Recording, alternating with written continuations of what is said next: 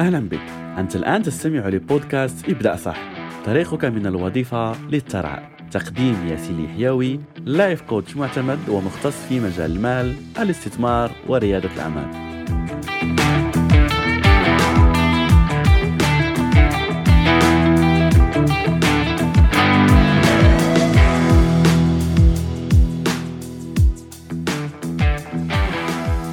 السلام عليكم ورحمة الله وبركاته. مرحبا بك من جديد في برنامج الوفرة المالية من بودكاست ابدأ صح وحلقة اليوم ستكون مكملة للحلقة السابقة التي تكلمنا فيها عن موضوع الداعم الأكبر للوفرة واللي هو في الأصدقاء ولائحة الأشخاص المقربين منك. فتوقفنا يوم أمس على أنه لازم أنك تقطع علاقتك أو تقلل منها إن استطعت مع الأشخاص الذين يؤثرون عليك بالسلب الذين يؤثرون على طاقتك. وتذكرت يعني أحد المرات كنت أتكلم فيها مع أحد الأشخاص عن موضوع على أنه من الأهداف على أنك تكون شخص مليونير وتكون شخص ناجح وتكون عندك يعني آه، وفرة في الحياة إلى غيرها. فكان رد هذا الشخص قال لي على أنه لا أستطيع لأنه لو أصبحت مثلا شخص مليونير وبالتالي سيكون عندي منزل ممكن فيه رفاهية ويكون عندي سيارات وخدم إلى غيرها. فقال لي هذا الشخص على أنه لا يمكن لأنه هذا سيغيرني على أصدقائي. بالمناسبه يعني كانت فتاة يعني كنا في مرحلة تعرف وطرحنا يعني هذا الموضوع. فقالت لي على أنه آه ممكن يعني أصدقائي ولا صديقاتي يعني لا يعجبهم الأمر ويتغيرون علي إلى غيره.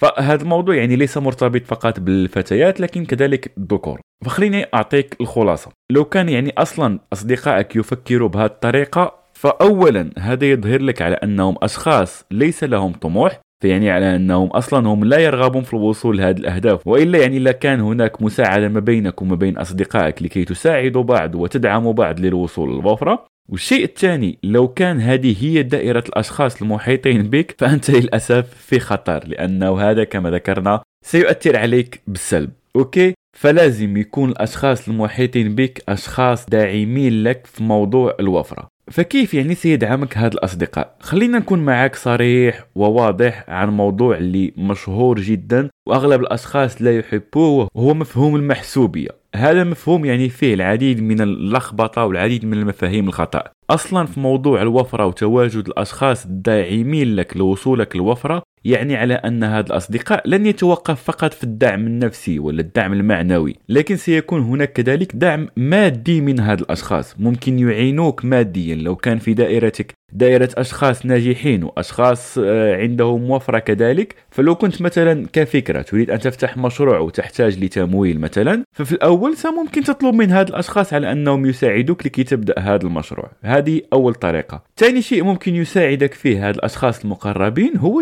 билет. خليك من فكرة على أنه آه والأشخاص اللي عندهم أصدقاء في الإدارة يساعدهم وهذه محسوبية والبلد يعني تمشي في خطر وعندنا يعني منتشرة بكثرة هذه المفاهيم في الوطن العربي. فخليني أقول لك على أنه حتى في الغرب موجود هذا الأمر. في الانتخابات مثلا الرئاسية في أقوى الدول يقومون بهذا الأمر يستغلون علاقاتهم. وأنا يعني صار لي يعني سنين وأنا ساكن يعني هنا في أوروبا فهذا الأمر عادي جدا. على أنه عندك علاقات وهذا بالمناسبة ذكرته عن نفسي آه، في الحلقة اللي قلت لك فيها لما قلت لك أني كنت فيها ابحث عن عمل جديد فكان عندي يعني معارف وهذه المعارف أشخاص أوروبيين أتعامل معهم. أكيد لو كنت مثلا تحتاج وظيفة وعندك أشخاص عندهم معارف لكي يحصلوا لك على وظائف وممكن هاد الأشخاص يعني يتحكموا في الأشخاص الذين يقومون بتوظيفهم فأكيد كن على يقين على أن هذا الأمر سهل به العمل في كل الدول. حتى لازلت اتذكر يعني العديد من القصص اللي عايشتها بشكل شخصي على أنه يأتي مدير ويأتي بفريق العمل من أصدقائه من الأشخاص المقربين منه. وهذا عادي جدا. المهم هو على أنه أكيد لما تأتي بهذا الأشخاص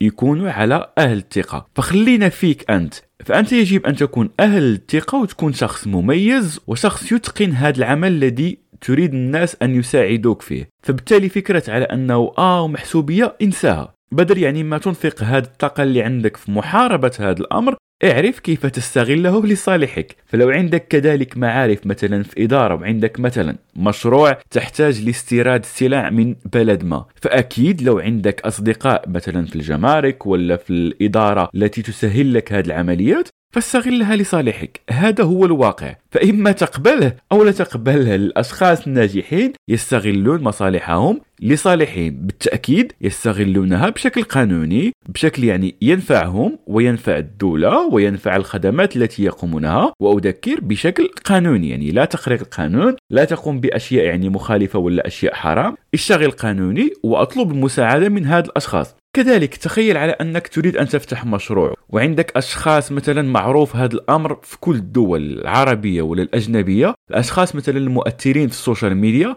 تجد على أن عندهم network. فلو كنت مثلا تعرف أحد هذه الأشخاص وأنت تريد أن تفتح مشروع تخيل أنك تعرف أحدهم ولا تعرف عشرة من هذه الأشخاص. هل تتخيل كم الأرباح اللي ممكن تجنيها بمعرفتك من هذه الأشخاص؟ أكيد الآلاف الدولارات وملايين الدولارات مستقبلا. فلا تترك نفسك يعني في دائرة الأصدقاء الغلط وتقول على أنه آه وليس لي من يساعدني.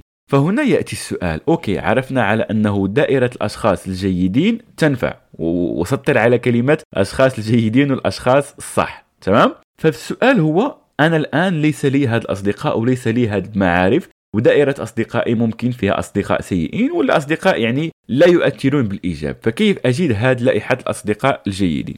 أول طريقة هو أنك تتواصل مع هاد الأشخاص. عرف نفسك بهم عندك وسائل التواصل فحاول على أنك تتعرف على هاد الأشخاص. و please قم بهذه الطريقة بذكاء لأنه أحيانا عن نفسي أتوصل ببعض الرسائل يستحيل أن تجيب عليها ويستحيل يعني أنك تعطي فرصة لهذه الأشخاص أنك تتعرف عليهم. يعني خليني أعطيك مثال. عن نفسي أتكلم في مجال الوعي المالي في مجال الاستثمار في مجال التمويل في مجال الأفكار المالية والقناعات. في مرة من المرات وجدت رسالة من أحد الأشخاص هي يعني كذلك life coach وتدعوني يعني لعمل حوار في موضوع بعيد كل البعد يعني كان في مجال التربية. يا أخي ما علاقتي أنا بتربية الأبناء وليس التربية المالية؟ يعني لو كان الموضوع التربية المالية أكيد سأتكلم فيه. لكن أنك تدعوني لبرنامج ليس لي علاقة به فقط لأن عندي متابعين ولا شخص آخر مثلا عنده مئة ألف متابع تريد أن تعمل معه لقاء ولا تعمل معه علاقة صداقة ولا يربط بينك وبينه إلا الخير والإحسان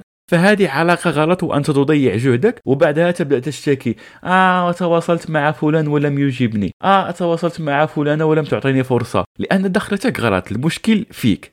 أوكي؟ فمن هنا يجب أن تتعلم كيف تتواصل مع الأشخاص كيف تبني علاقة جيدة مع الأشخاص الناجحين. هذا دورك يجب أن تتعلمه. ثاني شيء من غير على أنك تتواصل مع هذه الأشخاص اذهب للأماكن المتواجدين فيها. شخصيا عن نفسي من أكثر العلاقات اللي آه، طورت وفي أفضل الميادين هي دورات التنميه الذاتية ودورات الوعي مثل التي أقدم لك. ففي الدورات التي نقدمها مثلا لا يكون فيها أي شخص. غالبا ما تجد فيها أشخاص يعني عندهم رغبة بتطوير نفسهم أشخاص يرغبون في التعلم وفي الوعي وفي عيش حياة أفضل. فغالبا ما تجدهم في مستوى ولا في level من الوعي level يكون عالي.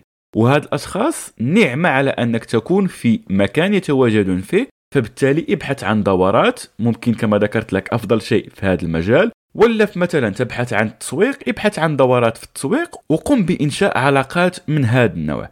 كذلك شوف مثلا لقاءات في مدينتك في الحي في الدولة ابحث عن اللقاءات التي يتواجد فيها الأشخاص ممكن على أرض الواقع. في المجال الذي تريد أن تقوم به هناك العديد من الاكسبوزيشنز ولا اللقاءات التي تتم. اخرج من القوقعة اللي أنت عايش فيها وابدأ تتعرف على ناس جدد. ناس ناجحين ابحث أولا عن أين يتواجد هذا الناس واسأل نفسك كيف ممكن أتعرف على هذا الناس ولا ما هي الطريقة المناسبة لكي أقوم بالتعريف عن نفسي وأقوم بالتعرف على هذا الناس لكي أبني معهم علاقة. وأكيد هذه العلاقة لما تدخلها لا تدخل بنية على أنه آه أريد أن يساعدوني لا. ادخل بنية على أنك تريد أن تتعرف على هذه الأشخاص وأنك تريد أن تفيد هذه الأشخاص. ولا تقول لي على أنه ليس لي كيف أفيدهم؟ فأكيد بما أنك تسمع هذا البرنامج وأنك شخص بالغ عندك بعض التجارب في الحياة فكن على يقين على أن عندك شيء ممكن أن تشاركه مع هذه الأشخاص لأنه في العلاقات دائما فكر فيها بمبدأ